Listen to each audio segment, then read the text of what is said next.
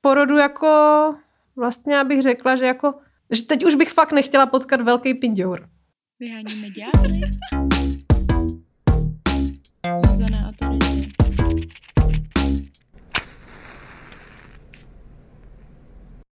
Ahoj, ahoj. Čus Terezie. Čau Zuzana, vítám tě pri novej epizodě Vyhonit ďábla. A já vítám tebe. A vítám a vás na herohero.co vyhonit ďábla, kteří nás teďka i vidíte a vidíte, že tady nejsme sami.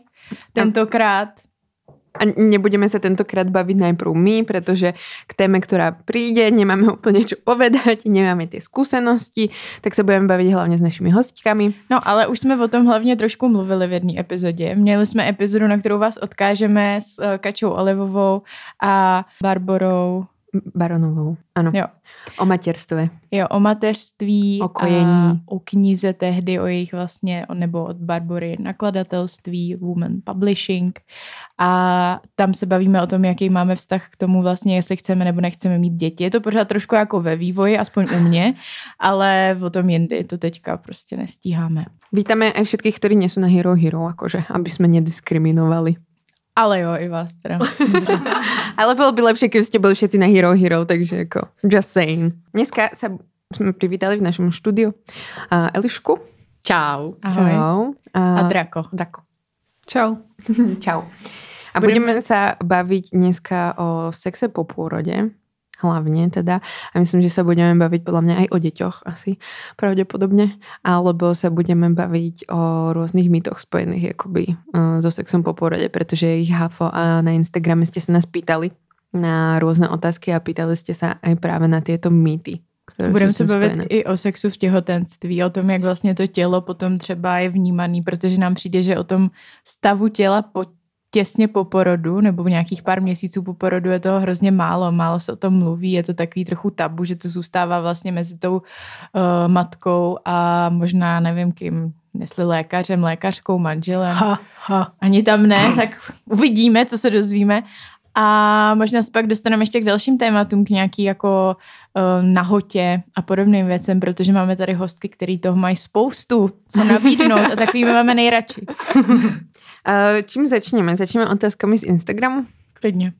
Jo. Uh, klasicky najviac otázka, ktorá sa najviac opakovala, si myslím, že hneď vám napadne. Mne napadla proste tiež a je to vec, ktorá keď som bola mladšia, ma strašne ako stresovala, že čo sa teda stane s tou vaginou po pôrode. Či ako budem ešte niekedy po pôrode cítiť penis vo vagíne a ako veľmi sa proste ako vagina zväčší a či sa niekedy vráti do normálu. Jak ste to zažívali vy dve? Chceš první? Jo. Tak. No.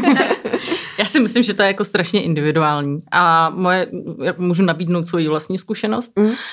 To A- máme rádi, to je najlepšie. Kdy teda mám za sebou dva porody. První byl bohužel s nástřihem, kdy jako mě teda zajímalo, proč k němu došlo, i když jsem jako žádný nástřih nechtěla. Se bavíme o nástřihu hráze, že Ano. tam vlastně je to nastřihnutý jako něčím Ano, a není to natržený. Přesně přirozeně. tak.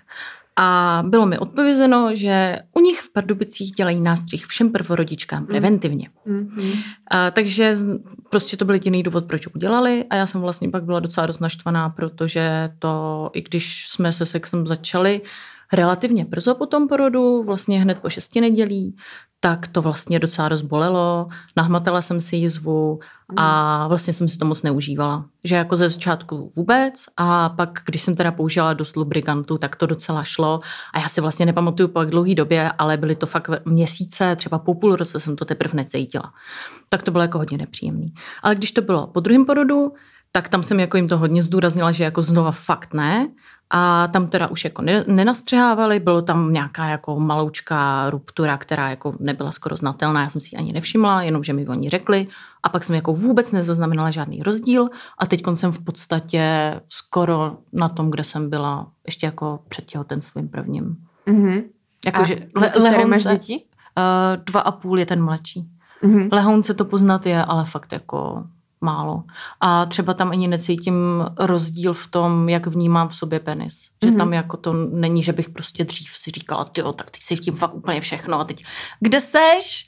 Už seš vevnitř. Jo, Tak jo, jako to si, to si ľudia hodně myslí. Ne, ne, vůbec. A v čem to je teda ten malý rozdíl? Um, Řekla bych, že předtím jsem měla uh, tu vulvu vysloveně jako hladoučkou, když to teď jsou tam třeba nějaký trošičku, že je to zvrásněný. Jsi jako strom.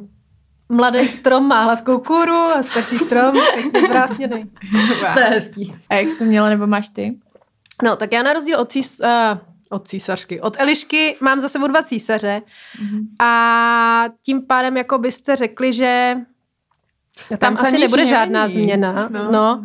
Ale statisticky, jo, my jsme v obě vystudovali biologii, jo, takže statistiky jsem si četla už předtím.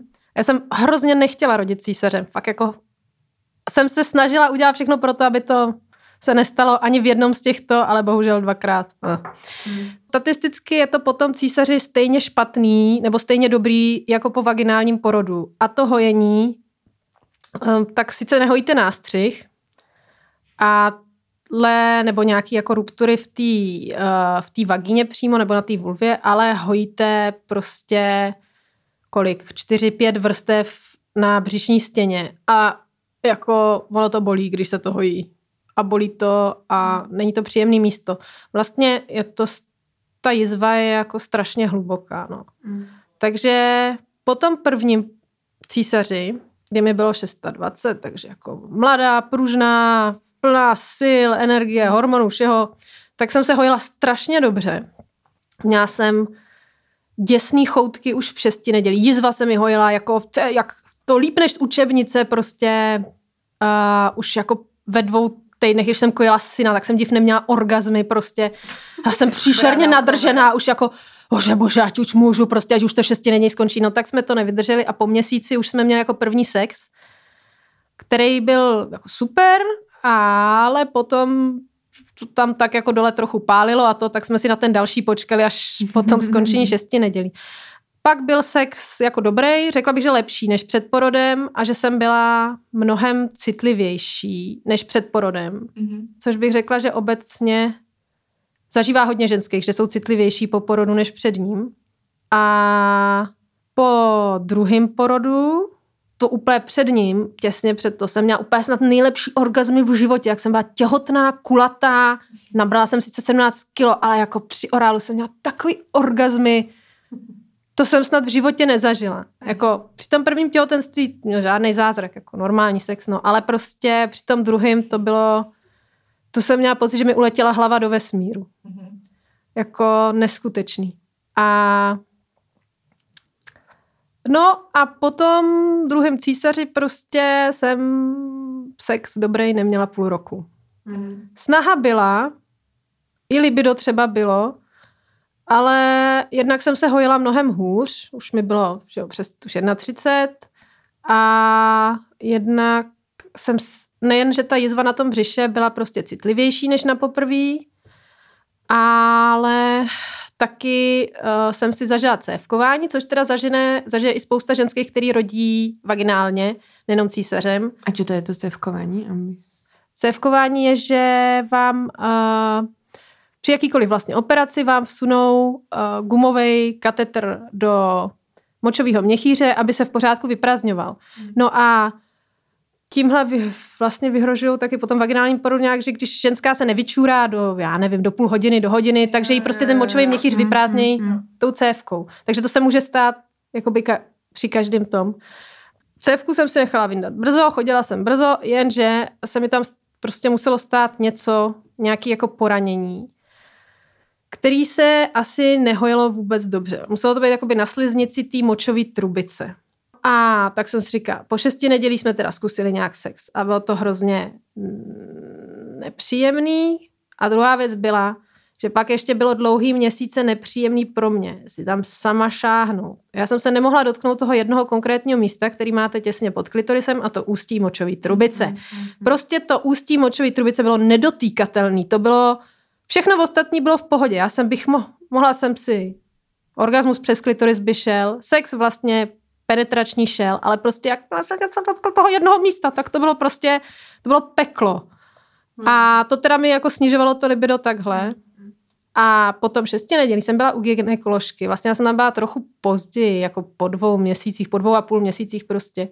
A říkala jsem jí o tomhle problému, že už jsme zkoušeli první sex a že to, to ústí močový trubice, tohle. No, snad v životě se mnou nebyla gynekoložka tak rychle hotová, ale něco mi tam jako napsala, tímhle si to mažte, to bude lepší, nebojte, to se zahojí brzo, všecko a vypoklonkovala mě ven. A po půl roce se to zahojilo a sex začal být zase super. Mm-hmm. A musím říct, že teď po druhém porodu je ještě lepší. Mm-hmm. Jakože prožitek mám lepší a že orgazmy jsou asi lepší. No. A teda vlastně tu úzkost? Na to se lidé jakoby pýtají, jakože nič to neovplyvnilo. Ne, a ani statisticky to není nějak uh, jako potvrzený, že prostě ženský hmm. můžou mít uh, inkontinenci nebo povolený svaly ve vagíně mm-hmm. úplně stejně po obojím, protože nejvíc se toho děje během toho těhotenství, kdy vám to pánevní dno zatěžuje ta strašná váha toho dítěte a případně kilo, který jste nabrali navíc, tak vám to tam tlačí a to udělá ten, mm-hmm. ne ten porod sám, protože vagína je jako gumička. No, no, no. Prostě to vám řekne každá gynekoložka. Ona se potom zase stáhne po tom normálním mm. porodu. A jo, já jsem dokonce před tím druhým porodem jsem cvičila s tím Anibalem, to je takový ten ba- balónek na cvičovací. No ale já jsem to nafoukla jako takhle a to jsem vytlačila. Ale bylo mi to prdplatný, protože jako vagína by to, ta by to jako to zvládla, ale ten čípek mrzák se neotevřel ani v jednom případě mm, u mě. Mm, Takže já bych vzpomněla ještě jeden mýtus, který doufám, že fakt jste jako vytrácí, ale ve chvíli, kdy se teda udělá ten nástřih hráze a potom se zašívá, tak občas ginekologové, dělávalo se to, občas ho ještě dělají, že udělají ještě jako jeden štych pro manžela, aby to bylo jako no, pro jo, něho už, což je úplná obskurnost, protože jak může pro manžela být přitažlivý to, že tu ženskou to při tom sexu bolí, protože prostě oni to jako zmenší tím posledním štychem pro manžele. Úplně ne, nechápu. Jo, to je vyloženě, to je jako, to je divné, to je na hranici ženský obřízky tohle, no. protože ty ženy většinou si to stejně musí nechat, buď si ten stech jako sami vytrh, jako doma prostě od, od jo, mm-hmm. víte co, tak to, a nebo si to musí nechat potom jako rozruš, protože to bolí, když vám tam sroste tkáň, která nemá být srostlá. a hojí se to strašně dlouho. Já jsem teď četla právě o tomhle tom uh, stehu pro manžela, ona o tom píše teď v Bibli vagíny, Jen Gunter, a ona tam říká, že vlastně to je taková věc, o který se furt tak jako mluví, že se o tom prostě týpečci prostě šeptají někde v čekárně, že by chtěli ten jako svůj poslední tam uh. ještě jako přidat, že to je takováhle právě jako misogyní hnusopraktika, ale že uh, samozřejmě ona nemůže vyloučit, že to jako nikdy nikdo neudělal, ale že už dnes, dnešní době to uh, by bylo téměř jako, ne téměř, byl by to žalovatelný, že jo, no, kdyby se jako no. přišlo na to, že něco takového někdo udělá. A zároveň ona tam říká zajímavou věc, že často se právě jako počítají ty stehy, jako kolik máš stehů, podle toho si měla hodně nastřihnutou nebo protrženou tu hráz. Přitom se to prý podle jako počtu stehů vůbec nepozná, jak velký to bylo. Teď vlastně každý doktor je jinak. Hmm. Taky a že záleží vždycky ten druh, ne jako jak je dlouhý, ale prostě jaký je to druh poranění a že třeba mm. i mnohem větší poranění můžeš zašít jedním stehem, mm. že to mm. prostě nesmysl počítat stehy, že to je nějaká naše představa, že jako máš 10 stehů, takže jako... Oni si lidi představují tržnou ránu na ruce nebo no, na jasně. hlavě mm. a počítají stehy, jenže tam prostě je uh, strašně moc těch vrstev tkání a ta ruptura může být v různých vrstvách. Může být jako povrchová venku mm. a tam vlastně není většinou, i když je to třeba dlouhý, tak třeba není potřeba šití. Prostě spousta ženských si to hojí bylinkama a tak. Ono to sroste, to, kde to má být srostlý, to sroste samo. Mm, mm. A když jsou to ty vnitřní, tak tam většinou už nějaký to šití, zvlášť když je to větší, tak to potřebuje. Ale to už je prostě, že ta ruptura zasáhla jiný vrstvy tkáně, než prostě ten povrchový epitel a než tu kůži. Zatímco ta ruptura je po každý jiná a vlastně to tělo se první asi praskne kůže a pak praskají ty další vrstvy tak ten nástřih jde vždycky přes všechny ty vrstvy. Mm. Proto je o tolik no, horší. Takže jako za mě opravdu doporučení uh, komunikujte dopředu s doktorama a řekněte jim, že jako preventivně nic takového nechcete a pouze v mm. případě, že by to fakt jako byl ten porod ohrožený a že by to bylo východisko. No, jako... A dá se to komunikovat takhle, jako by čekají tam na tu komunikaci. Není to no, takový, jako, že... Asi jak čekají. Spíš nečekají a pokud nejedete do takových porodnic, kde už to berou jako standard, jako třeba do Rakovnický, takže... nebo slovenské nějaké. Tam berou, tam Ne, ne, ne, tam no. berou standard, že se to že, nenastřihává. eh, to taky, ale vůbec jako, že přijdete s nějakým porodním přáním a že jako komunikujete s těma doktorama. Eh, V takový jako úplně klasický mainstreamový porodnici na vás budou koukat vlastně docela jako na nějaký e- ezo, pičo, Mm, lesany Mhm. a přitom jde jenom o takovýhle věci, jako aby vám nenastříhávali zbytečně, aby vám prostě neskákali na břicho, aby s váma nejednali jak s kusem hadru, aby vám třeba dali větší soukromí a tak. Mm. A už tu chvíli jste jako zaškotulkovaný, což je... Aby se vám představili, než se vám začnou koukat mezi Jo. nohy.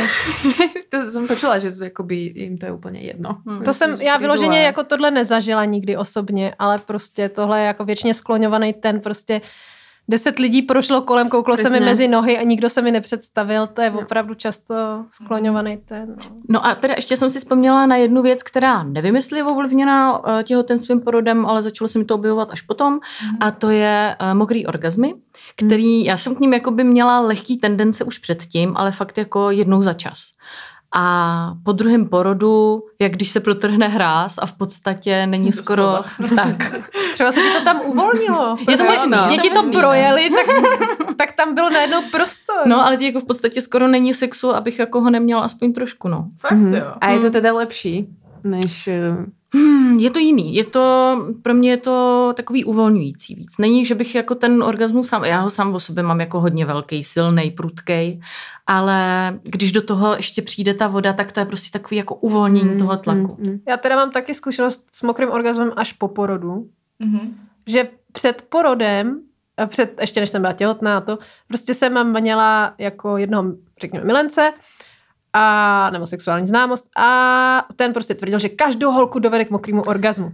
A teď on mě, on mě, ale on měl na to fakt jako, já bych řekla, že asi Grif. docela funkční techniku a grif. Jo. A teď mě on mě prostě půl hodiny masíroval a nic. Už Já byl jsem říkala, hele, chudáček. Hele, jako prostě už toho necháme, jako nevypadá to, že by to fungovalo. A on z toho byl fakt smutný. Že jsem byla první holka, se kterou se mu to nepovedlo. A potom jsem to zažila po porodu, že jsem si vyzkoušela takovej ten, můžem tady říkat jména těch uh, sexuálních hraček? Nebo, Jo, jo, jo. jo, takže jsem si vyzkoušela ten, nevím, jestli to Satisfyer nebo Womanizer. No, no, no, pod Ten sa- podtlakový masturbátor. A ono mi to nebylo jako úplně příjemný, ale prostě vystříkla jsem. Aha. Já jsem to měla nějak jako nastavený už moc silně hned na začátku, ne, prostě Mhm, na popr... mhm. A, a najednou to udělal. jako šplích. A, Louch. a dostavil se nějaký release, alebo to bylo Ne, prostě mně to ani nebylo příjemný. Mm, mm, mm. Jakože ten mokrej, já bych to nenazvala orgasmus. Nebo možná jo, ono to nemá daleko k tomu, ale prostě mě osobně, není to něco, co bych potřebovala vyhledávat, ale třeba jako změním časem názor, že jako... Ale mně se to taky to- proměňovalo, jakože když jsem to takhle měla na poprvé, tak jsem to taky měla uh, zdráždění klitorisu, taky to bylo ještě jako před porodem a taky to bylo jenom takový šplíchnutí, řekla jsem si, aha, to Jo, jsem ne, se asi nepočula. Já jsem u toho měla hrozně moc silný pocity, jako Mhm. v, v celém těle, fyzicky, jako hodně silný, ale nemůžu říct, že by byly Mm, mm. úplně Mhm, příjemný. mhm. Jo, jo, to jsou takový ty fakt silný, ale vlastně Mhm. jako, že co s tím prostě. Jo, přesně, jakože u toho nejde, a měla jsem pocit, že to je víc v tom těle, než v té hlavě. Jo, taky. jo, jo, jo. Jo, jo, jo. Že to na orgasmu nejvíc oceňuju, když je to v té hlavě, než v tom těle. mm. Jakože to tělo, jakože v té hlavě to je nejlepší, že prostě potom, když člověku vybouchne ta hlava, tak to je to nejlepší. No a mně se to teď právě propojilo, takže vlastně tím, že to jde spolu, tak mi to u toho nějak jakoby nevadí. Není to zase věc, kterou bych si řekla, hej, tak to fakt potřebuju furt, ale to uvolnění není špatný, není Jo, to nepříjemný. Hmm. Takže vlastně se trochu se vám jako objoum změnil ten orgasmus po porodu. Mělo to nějaký Hmm. vliv? Už po tom prvním nebo až teda po tom druhém? Už po tom prvním. Jo.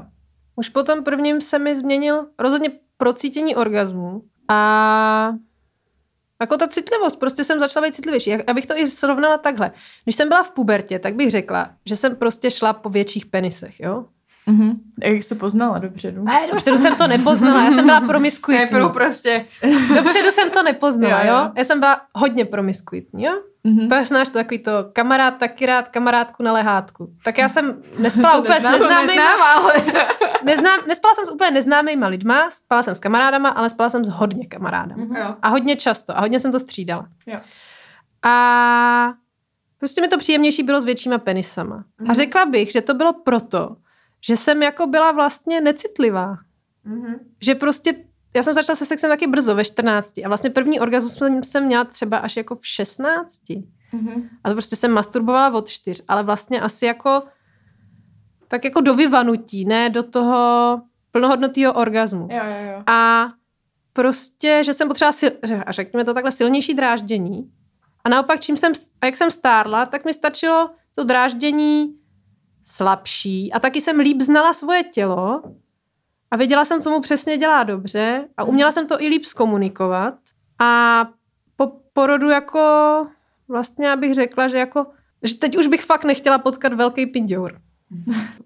Jo, my jsme zatím vlastně probírali jenom kvalitu, ale ještě jsme neprobírali četnost. No, No, Ano. jo, jo, jo, jo. To tiež boli poďme do otázky. toho. A, a tiež bola ešte možno predtým otázka, eh, jedna slečna sa nás pýtala, že vlastne chcú vôbec ženy po porode sex. Jako, že reálne bola otázka, že chce ho vôbec niekto. ano. Moc. Ja si taky vravím, že A prostě... některý ho chtějí víc, než ho chtěli kdy předtím. To, to já teda takhle nemám. Mně se opravdu ta citlivost ani ta frekvence v tomhle tom nezměnila, ale... Jo, já taky ne, ale já jsem byla prostě příšerná, nadržená, promiskuitní, prostě chodící, šukací věc, takže Ale uh, Katka už to vlastně vzpomenula, ale ve chvíli, kdy hlavně na začátku toho mm, po tom porodu, když jako žena kojí a ty hormony to vlastně strašně moc vyplavuje, protože se jí potřebuje, že vyplaví se spousta oxytocínu, zatahuje se dělo a takovýhle a zavinuje. A v tu chvíli člověk má fuk, fakt chuť na sex. Neříkám, Jo. že každý, ale hodně to souvisí právě s těma vyplavovanýma hormonama. Mhm. Já jsem se o tom bavila i s, jako s ženskýma z generace mojí mámy a taky mají prostě zkušenosti, že třeba měli orgasmus při kojení. A tak, ale To se většinou... mi nestalo. No já jsem měla, ale jako bylo to fakt jako těch 14 dnů po porodu. Mhm. Potom to prostě ty prsa naopak pro mě přestaly být a jako sexuální objekt vůbec. To prostě skončilo, protože jsou tak uh, odsucaný, že, že to ne, ztratilo tu dráždivost. Zajímavý je, že v těhotenství kdy jsem po druhým, kdy jsem pak už nekojila, tak uh, zase jako nabili ty sexuální. Takže jako je to vratný, no, všechno. Jo. Jo, to, to můžu potvrdit, tady to měla jsem stejný vývoj a teď mám pocit, že jsou dokonce citlivější, že už vlastně i není pro mě problém, že mi uh, partner navodí orgasmus jenom při dráždění prsou. Jako čistě prostě dražení bradavek. Ano. Mhm. A můžu se ptát ještě na to ukojení, ten orgasmus, to vzniklo prostě skrz Takhle to jsem kojení. držela dítě, kojila jsem a najednou prostě vlny v těle a Najednou, jakože to začalo se stupňovat, nebo to fakt přišlo? to se stupňovalo. Stupňovalo. Protože to dítě se, že jo, to malý se kojí, já nevím, třeba 15 minut, že jo, tak Mhm. prostě. Ale jako není to nějaký druh úchylky, je to prostě No fyziologicky Je to prostě daný. čistě těma hormonama, no. že jich je strašně moc a že se uvolňujou, tak to. Jinak my jsme teda kojili hodně dlouho. Eliška Dva roky dceru a syna taky dva roky. Mhm. a já jsem kojila prvního syna čtyři a čtvrt do vyhasnutí savého instinktu. A myslela jsem si, že teda nebudu kojit tak jako do Do sedmi. jedenácti. Ne, do růstu trvalých zubů, jako správný Aha. biolog, že prostě savci přestávají kojit, když se mláďata přezubujou. No ale jemu vyhas ten savý instinkt už ve čtyřech letech. Jo. A druhýho teď kojem roka půl, no. Mhm. A ešte plánuješ. teda. A ještě plánuju dlouho kojit. Do růstu trvalých zubů. Hele, já se zeptám na to kojení, mě to zajímá. jako rychlá otázka, jestli vás, uh, jak jste teda začali kojit, že mm, c- slyšela jsem hodně, že vlastně tam třeba to chování v těch porodnicích často v tomhle není úplně jako ideální od těch lidí, Hmm. že nějakým způsobem tam spou ty děti, Hmm. prostě dělej koj. Ale je to na hovno. A tak, a no tak jak jste se vlastně k tomu dostali, že se vám to tak hezky rozkojilo? Mhm, mhm. Hele, já si myslím, Genetika. já si myslím, že je to genetika. Že, U nás dvou, jo. no, že jako třeba, já když jsem se narodila mojí mamce, pak jsem musela být, kvůli tomu, že to teda doktoři jako hodně zdupali tehdy, tak jsem musela být čtyři dny v inkubátoru, mamka mě jako vůbec neviděla. A po těch čtyřech dnech jsem se k ní přisála a ona mě normálně kojila a vydržela mě kojit třeba dva roky. Mhm. Mm, A jako v tomhle jsem měla štěstí, že já jsem se s tím jako, za prvý jsem se s tím vůbec nestresovala, že bohužel jako uh, spousta žen se toho bojí a ono, ten stres zase to jako mění ty hormony a může to tady to jako zhoršit a, a uspíšit to, že by jako tam mohlo dojít na nějakou krizi, tak já jsem to jako fakt měla hodně na párku. A vlastně i když mi tam něco jako říkali, té porodnici, tak se mě to šlo prostě jedním uchem tam druhým ven a dělala jsem si jak to, jak jsem to cítila, že by se to nějak jako asi mělo dělat. No. Hmm.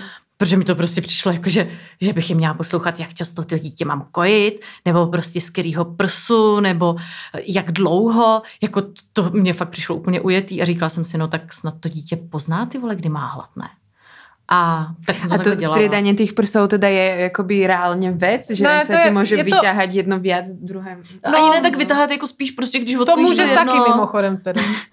je, to, je to možný s ním, naše s ním zkušenost, ale uh, v jednom prsu prostě pak toho mlíka máš míň, hmm. takže jako je docela logický k tomu druhému, pak by tam mohly vznikat záněty, třeba hmm. takovýhle. Ono totiž u novorozeněte je to tak, že to tělo produkuje toho mlíka nadbytek a potom se teprve časem srovná nabídka, poptávka, Jo. podle toho, jak to dítě pije. Volná ropa A vlastně proto je důležitý přikládat na obě prsa, ale je spousta ženských, který kojí z jednoho prsa celou No, dobu, no, protože no, třeba no, to no. jedno jim z něj teče mlíko třeba málo, nebo taky moc, protože tam prostě jiná distribuce té mléčné žlázy.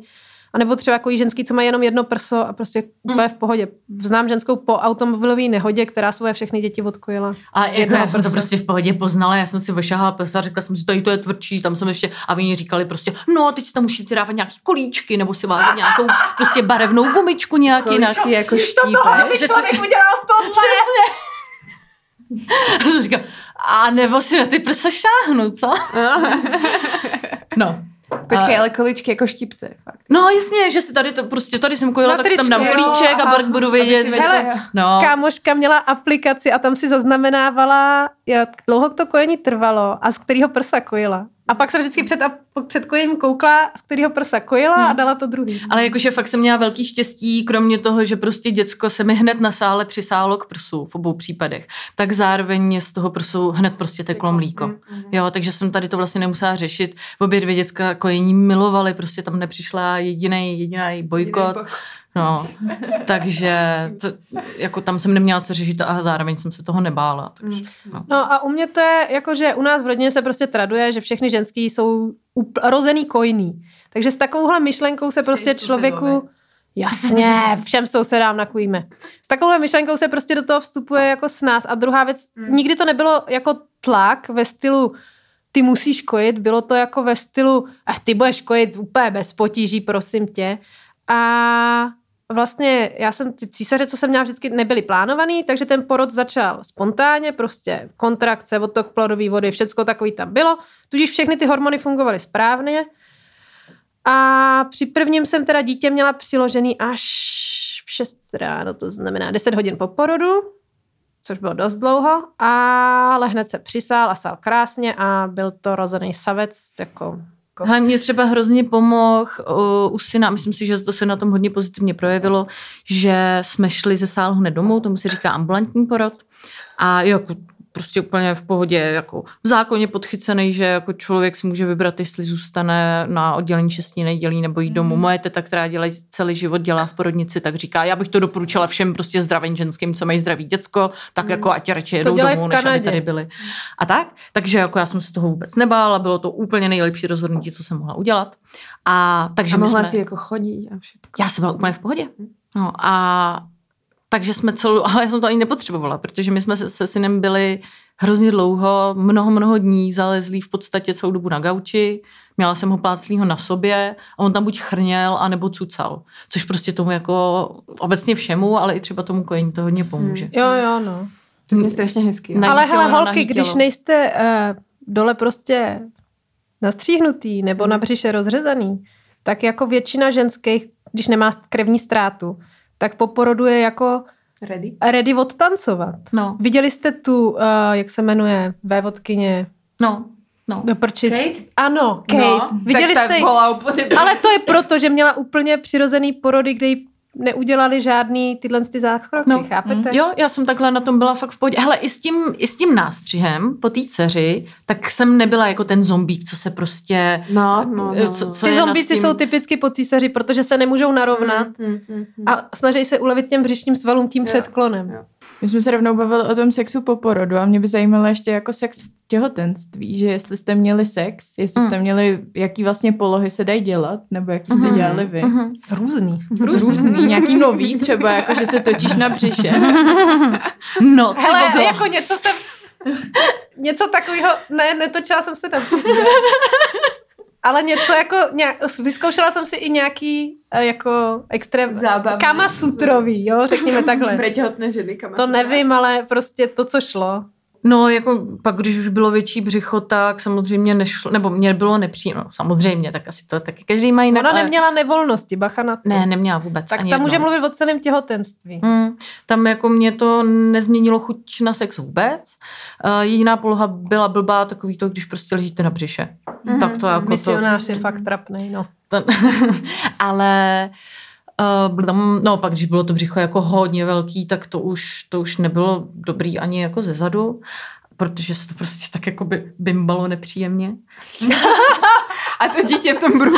Jo, ale tam je prostě voda a prostě No, jo. jo, no. A ono vás třeba začne kopat, jako sorry mami, ne. Don't do it. Ne, to říkala. don't- Stop. To říkala kamarádka, že vždycky, spať. že vždycky při sexu ten, uh, to její děcko jako kopalo prostě proti tomu partnerovi a to, to bylo nepříjemné a on se ho fakt snažil jako vykupat, jako co, vypadni moc. Jo, tak já mám teda už si... No ještě jsem, ještě Tak jsem ještě neskončila.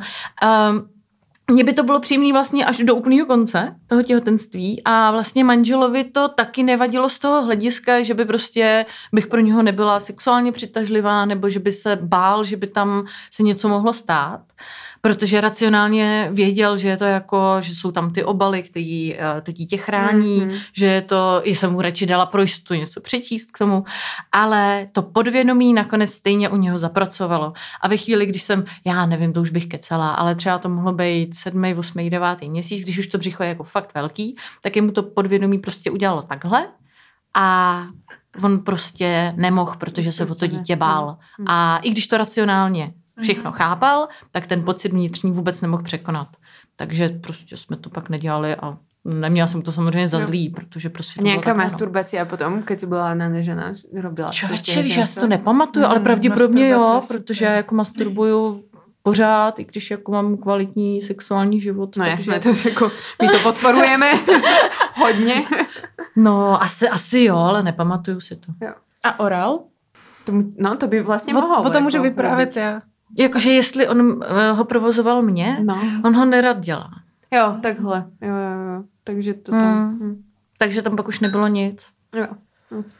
No jo, můj manžel mi říkal, že jako pro něj jsou těhotný ženský uh, před těhotenstvím nepřitažlivý a potom v průběhu vlastně toho těhotenství, když už jsem měla to jako vidět, nevím, sedmý měsíc, už slušný břicho, tak mi vlastně říkal, že je hrozně překvapený, Jak že mu jak, hot. jak, se, jak jsem hot, přesně Mhm. tak, a že prostě si myslí, že to je teda tím, že ví, že to dítě je jako jeho a že Mhm. mu prostě přijdu furt strašně sexy, což bylo velice pěkný slyšet No. a velice příjemný. Ale v tom prvním těhotenství ten sex nebyl takový jako... Protože já jsem na začátku měla docela silné nevolnosti a to jsem teda na sex úplně pomyšlení neměla. A druhá věc, pak jsem celý těhotenství měla asi třikrát nějaký jako kvasinkový infekce. Když vás to dole pálí, tak jako... Ano. No, ale v těch mezičasech mezi těma kvasinkama ten sex byl jako fajn a orální sex byl, bych řekla, nejlepší. Mm. Ale zajímavé je, že s tím prvním těhotenstvím já jsem byla, vůbec mi, nic mi nevotejkalo, přibrala jsem jenom prostě 8 kilo asi a byla jsem prostě, mohla, běhala jsem jak lanka, laňka do den porodu jsem se mohla vohnout, zavázat si tkaničku, všechno. A u toho druhého porodu jsem přibrala 17 kilo nakonec. Ale vlastně jsem si přišla jako úplně totální bohyně. Prostě největší bohyně mateřství, sexu, všeho. Já jsem měla ty těžký prsa. hormony. Za celý těhotenství jsem neměla jedinou potíž s kvasinkama. Wow. A to bylo tak skvělý. No vidíš, to jsem Podle toho jsem dokonce poznala, že jsem těhotná poprvé. My jsme byli v Japonsku na dovolený a my jsme oba dva chytli kvasinkovou infekci. A to bylo proto, že jak jsem otěhotněla, tak se mi změnilo to poševní Mm, pro mm. pH a na, prostě ještě na cestách, že jo, a rozjeli se mi kvasinky. A představte si, v Hirošimě o státním svátku prostě v Japonsku hledat v nemocnici, dok- tam nebyli žádní doktoři a už vůbec tam nebyli doktoři, kteří by mluvili anglicky. Prostě to. Ale nakonec mi pomohli horký lázně. Mhm. A manželovi taky. Ale u toho druhého jsem teda přibrala mnohem víc. Měla jsem těžký prsa, velikánský břicho, 17 kg nahoře, celulitídu jak kráva. Ale přišla jsem si děsně sexy a hrozně mě bavil sex a to až do úplného konce. A byla jsem mnohem citlivější asi než kdy v životě. A měla jsem fakt, fakt dobrý orgazmy. I když minulý pátek jsem měla tak dobrý orgasmus, až se mi chtělo zvracet. Já nevím, jestli jste někdy, jestli ne, jestli jste někdy cvičili nebo dělali nějaký sport, tak když se dostanete takovou tu fyzickou hranu, Mhm. tak uh, si člověk chce, u, chce ublinknout. Já jsem no, ale ještě on to je jako vlastně... ublinkla už zase No, můžete si, jo, někdo se i poblije třeba po triatlonu, nebo já nevím, No, no. ale prostě tak dobrý orgasmus, že to tělo se dostalo prostě tak daleko, že už, že se mi jako navalilo po tom sexu až ex post a jsem si říkala, hmm. Hmm. To je zaujímavý ukazovateľ dobrého Jo, a orgazmu. ten orál, ten je super, když jste těhotný. Mm. A vyzkoušeli jsme strašně moc poloh a mě teda nejvíc vyhovovalo být nahoře. Mhm. Na koníčka, kde jako nepřekáží to břicho, Co, tak to mě vůbec. dá se u toho dráždit ten... Pro mě to je obecně jako vhodná nebo jako dobrá poloha i vzhledem jako asi k mýmu zakřivení vagíny a mužova penisu a to, Mhm. tak je to jedna z mých nejoblíbenějších. Ze zadu bylo taky obstojení. Taky jsme hodně souložili jako na boku, v leže, Mhm, jako želžičky. A dokonce jsem vyzkoušela, nebo jsem na něm seděla zády jakoby k jeho břichu, jakože jsem se koukala na jeho nohy. jo, Jo, jo. To taky je fajn. A pak jsem... Mně tam chýba pohled do očí. vtedy. Jo, Na mě, že jo, že jak- mě někdy taky a někdy mi to nevadí. Mě taky Ale- někdy to nevadí. Ale třeba na koníčka pro mě bylo jako pak už s velkým břichem obtížný, protože prostě úplně stejný problém, jak když to bylo zezadu. Zvunikalo to, dobře, jo. přesně, no. A bylo to bylo moc těžký tady na ty věci. No a to je asi každý Workout ženský roste břicho jinak. Mě roste hrozně dovnitř a utlačuje mi vnitřní orgány a Tak nemůžu... to mě udělalo ven. Jak No. no. jsem je- ještě taková hubená, tak prostě já jsem byla celou dobu takhle štíhlá a najednou mi udělalo břicho. Plum. Jo, a mě prostě rostlo spíš dovnitř a tak to tam asi pevnějc drží a nevadí takový ty natřásový pohyby, zatímco No, tak, tak to když se muselo házet všechno venku. Ale to je fakt strašně individuální tohle. Ne, jak jsi Ale předtím mluvila ten o té orál je super jako v těhotenství. To je úplně, to jsem si pochvalovala i při prvním. A je to, jo, a mimochodem teda nevím, jak to, kdo, vy jste měli pár epizod o orálu, že jo, ale jako v těhotenství bych řekla, že lepší, než lehnout si na záda a roztáhnout nohy, jako kleknout si nad partnerovi ústa, jakože to je příjemnější. No my jsme měli postel, kde jsem se mohla tak jako opřít těma rukama Aha, aha. a to a ty prostě na těch, na té matraci to jako jde. Mm. A je to fajn. A ten orál je teda jako hodně fajn.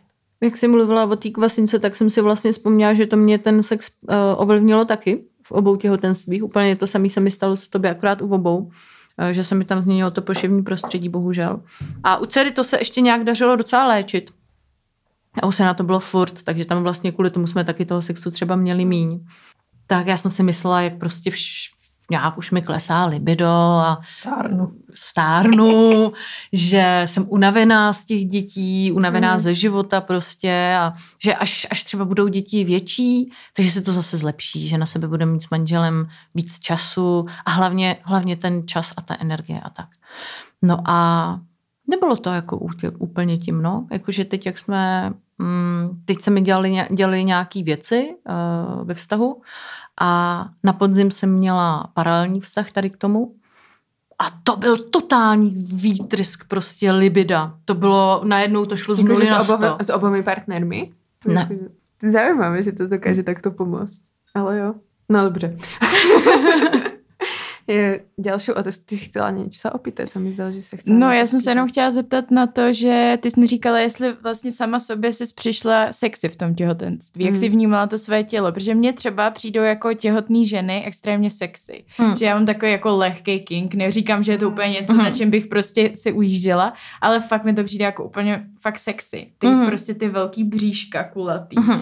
Jako A líbí musia se mi byť to. ako tie ženy potom hubené, ale víš co, že máš takú tú stereotypnú predstavu, že je hubená žena s tým iba bříškom, alebo prostě to ne aj... hubená, ale tak uh, pokud jsi jako obézní, tak to nejde tolik vidět, No, no, že bych no, to no, možná no. tolik nepoznala, ale není to jako, že musíš být hubenoučka a potom mít takhle břicho. Prostě, Jo. hele, já vůbec nevím, já to nemám nějak jako definované, jenom vím, že se mi líbí, když poznám to těhotný Hmm. břicho, jo, takže Mhm. je možný, že by se mi to líbilo úplně u všech, ale prostě takhle v hlavě mám takovou nějakou prostě průměrně vypadající ženu, která má břicho velký a mně to přijde pěkný, no. Hele, uh, teď to teda bude znít asi hodně zvláštně, ale uh, já si sama sobě prostě líbím, nebo přijdu si sama sobě sexy uh, vždycky, takže pro mě tam nebyla žádná změna v tomhletom, ale je pravda, že občas jsem stála před tím zrcadlem, koukala jsem se na sebe, tak jako jsem si hladila to břicho, říkala jsem si, Já jsem tak sexy. Pardon. Jo, jo. Ale jakože Ne, se, pardon, to je super. a mně se jako fakt hodně líbil ten tvar toho. A nevím, ono to asi teď nebude úplně vidět, ale a teda tady jako v tom podcastu vůbec, ale aspoň tamhle na tom tam to je vidět, tam to je vidět, takže klidně. Ono takhle jako z boku, uh, mně se líbilo, že bylo to bříško, který esovitě pak tvarově pokračovalo do tvaru toho zadku. Jo, to taky miluju. Že jako ve chvíli, když už to břicho bylo jako větší, že to dělalo ten symetrický tvar. Zadek a břicho. Tak to jsem občas stála před tím no. zrcadlem a koukala jsem se a kochala jsem se estetikou vlastního Jo, těla. jo, to je hrozně hezký, no. Já teda King na těhotný nemám, ale sama sobě jsem se líbila strašně moc. Vlastně mi to přišlo jako jediný období v mém životě. Jednak ty hormony mě dost vyklidnily. A jednak Hmm, to je pravda. druhá věc byla, že jako jsem mohla beztrestně žrát a uh, vlastně radovat se z toho, že mi roste pupek. Jakože jindy je ten ideál pro mě to plochý břicho, ale v tom těhotenství není žádný ideál plochýho břicha. Je ideál prostě toho kulatýho břicha, takže jsem z něj měla radost. Hmm. No jako jestli bych teda tady mohla zbořit ještě jeden stereotyp, uh, tak je to právě o tom, co Katka teďkon, uh, promiň, Káča teďkon nakousla a to je to, že normální žena najednou během, z ní se stane během těhotenství totální jako eh, smršť emocí a, a, a, sépě a tak. Hele, asi samozřejmě to má každý jinak a, a znám ženy, které to takhle měly. A o půlnoci si uh, manžela posílali pro kyselý okurky a vanilkovou zmrzlinu a když to nepřines, tak, tak ho jako sežrali. Ale já jsem třeba měla vždycky hodně silný PMS, takže jednou za měsíc se ze mě stala ufňukaná, ukňouraná, sebelítostivá Eliška.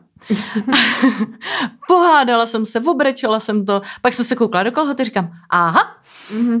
A pak prostě najednou přišlo těhotenství a mě ty hormony, které takhle jako jednou za měsíc prostě udělali PMS, hahaha, teď je sebe kráva prostě, tak najednou byly takhle rovný. Jako mě fakt, kromě toho, že teda mě nebylo Jo, blbě, nezvracela jsem, super. tak mě ani vůbec jsem neměla žádný výkyvy nálad. A bylo mi tak strašně dobře. A i jako jsem si říkala, no tak když bych byla takováhle už jenom kvůli svému manželovi, prostě to je, to je hrozně fajn.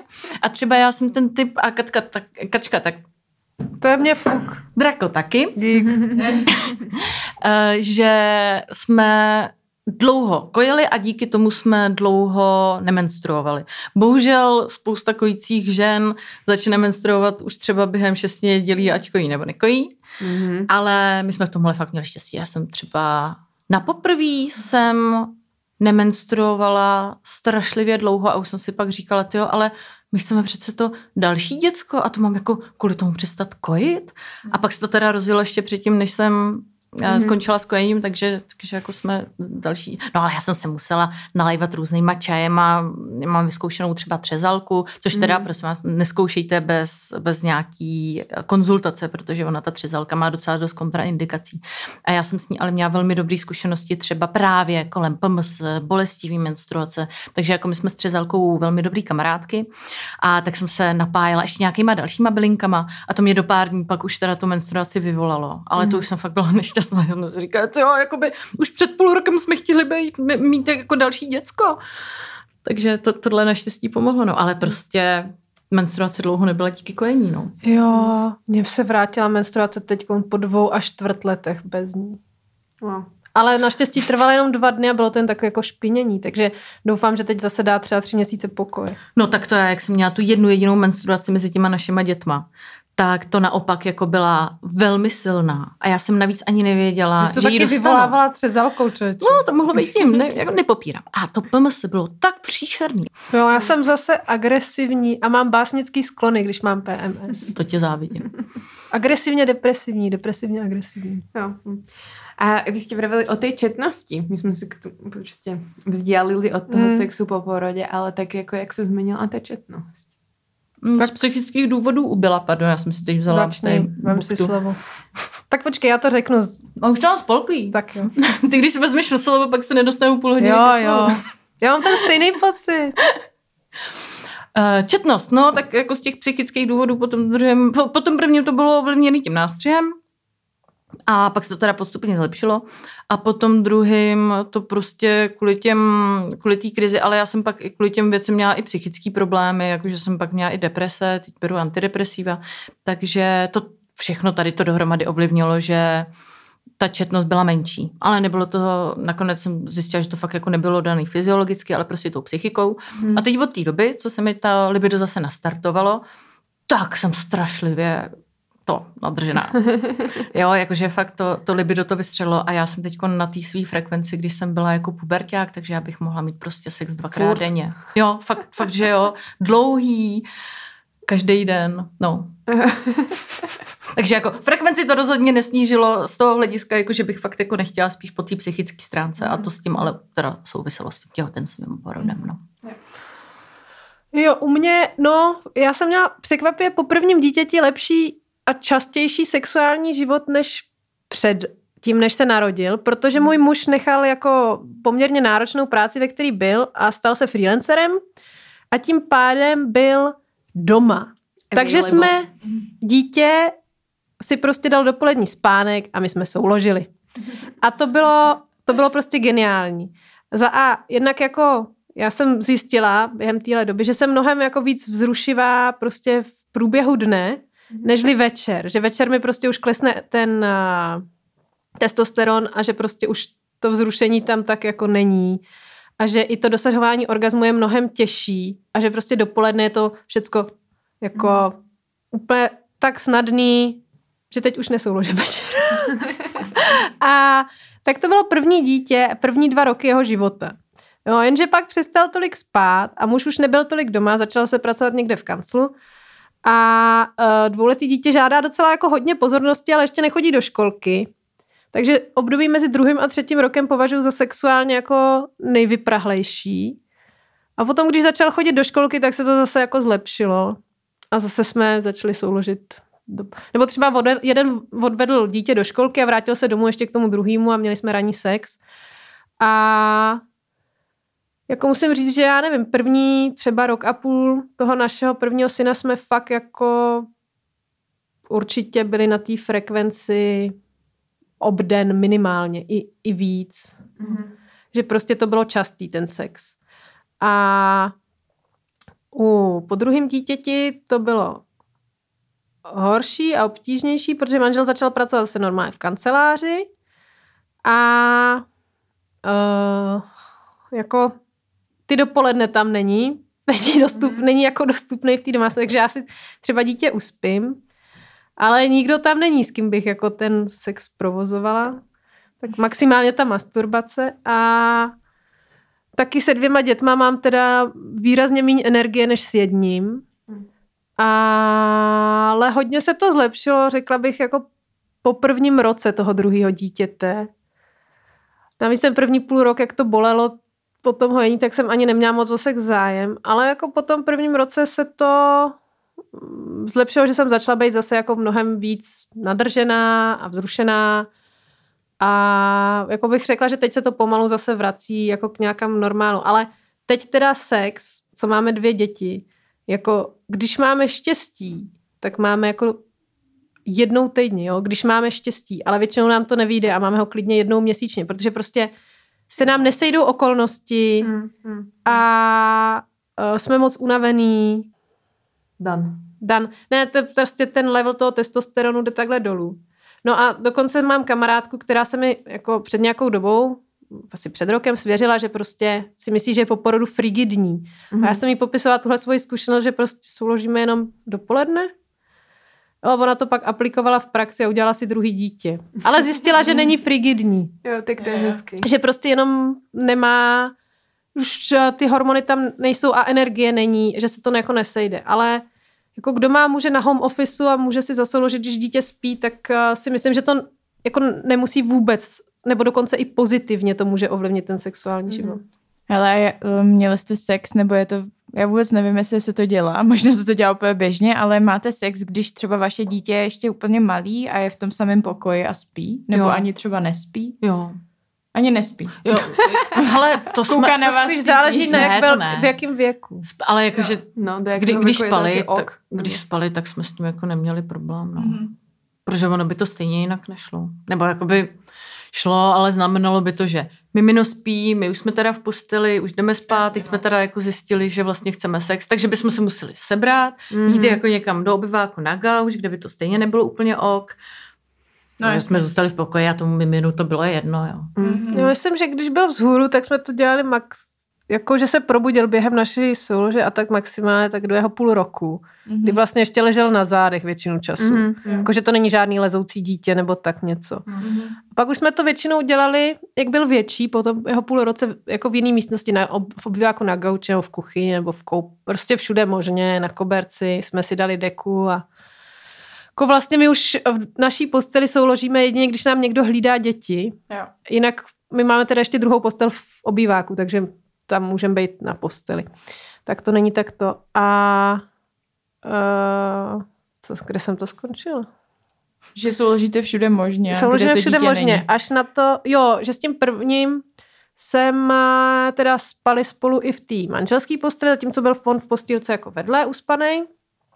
A že se mi dokonce několikrát stalo, že se mi potom, když spal i se mnou v posteli, takže mm, jakože byl v té postýlce přisunutý k té posteli, odstraněná to jedna přepážka a já jsem ho teda uspala kojením, teď jsme se na to s mužem jako vrhli, ten se se mnou jako mazlil, když jsem už mě navnazoval, že jo, jako dítě konečně spí, teď jdem na to, dítě se začne budit uprostřed sexu, no tak se párkrát, jako spočetla bych to na prstech jedné ruky stalo, že jsem teda začala kojit a u toho jsem souložila, no. Což není úplně častý, jako tohle moc ženských ne to neudělá. Ale u druhého dítěte už bych na tohle neměla náladu ani cokoliv. A vyloženě to bylo, jako bych řekla, do čtyř měsíců života toho mimina. Jakože fakt bylo hodně malý. Tak, takovej ten ne úplně larva, ale prostě nechcete si zkazit sex tím, že vám tam začne někdo křičet. Já si, to, larva. já si to u sebe stejně nedokážu představit, protože já mývám ty orgazmy uh, dlouhý přes většinu sexu a mývám je jako hodně, to, no, ale to se dá ještě tlumit, ale už se nedá úplně tlumit to, jak u toho sebou hážu. Jo, jo.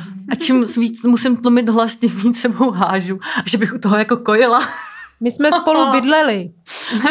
aj, aj, aj, aj, aj, aj že skadial vieš prostě, jak mohla si to orgasmy, si vravím. No, my jsme spolu bydleli a to bylo v době, kdy Katka ještě, kdy, kdy prostě... Kdy jsem měla takového polofrigidního partnera. A neměla u toho sexu většinou orgasmus a vedle toho jsem hřvala na plný lesy. Já. Každý den. Taková výčitka. Prostě. Každý den. Takže my, a my, a ne, vy si to nedovedete představit, to znělo přes zeď, prostě znělo jako něco, co znělo jako houkání lemurů v madagaskarském pralese, nebo řev tygřice. Říkala jsi mi, že, že řvu jak zraněná uh, lvice. Jo, to, to taky pamatuju. někdy a my jsme takhle leželi vedle a drželi jsme každý v ruce jeden komiks a četli jsme si a říká, a já říkám, Eliška zase šuká. A on, hm, zase. Nebo něco takového, jako, a já jsem si přišla, jako, že jsme úplně důchodci prostě. to občas tak se stane, no. No, bo... Když tady máte takový spolubydlící, no. Já myslím, a když máte partnera, který je frigidní. Nebo tak, nebo obojí, to se musí sejít v obojí. Máte odlišný lebida, no. Jo, no to byl ten problém. On je teď, myslím, ve vztahu s novou partnerkou mnohem šťastnější. Mm. Mm. A ještě se pýtali, jakoby uh, to taky, alebo respektive, je to otázka spíš na mužov, spíš na vašich partnerov, ale možno se rozprávať s ním o tom. Ak jsme se bavili pro ty, prostě o té úzkosti, to je jako téma pre našich posluchačov. Pro tak, chlapy, jo. No, aj pre dievčatá, pretože mm-hmm. sa toho akoby obávajú, že, že už nebudú príťažlivé i pre posluchačky, pre tých mužov a že sa mm-hmm. nebudú môcť proste zrobiť.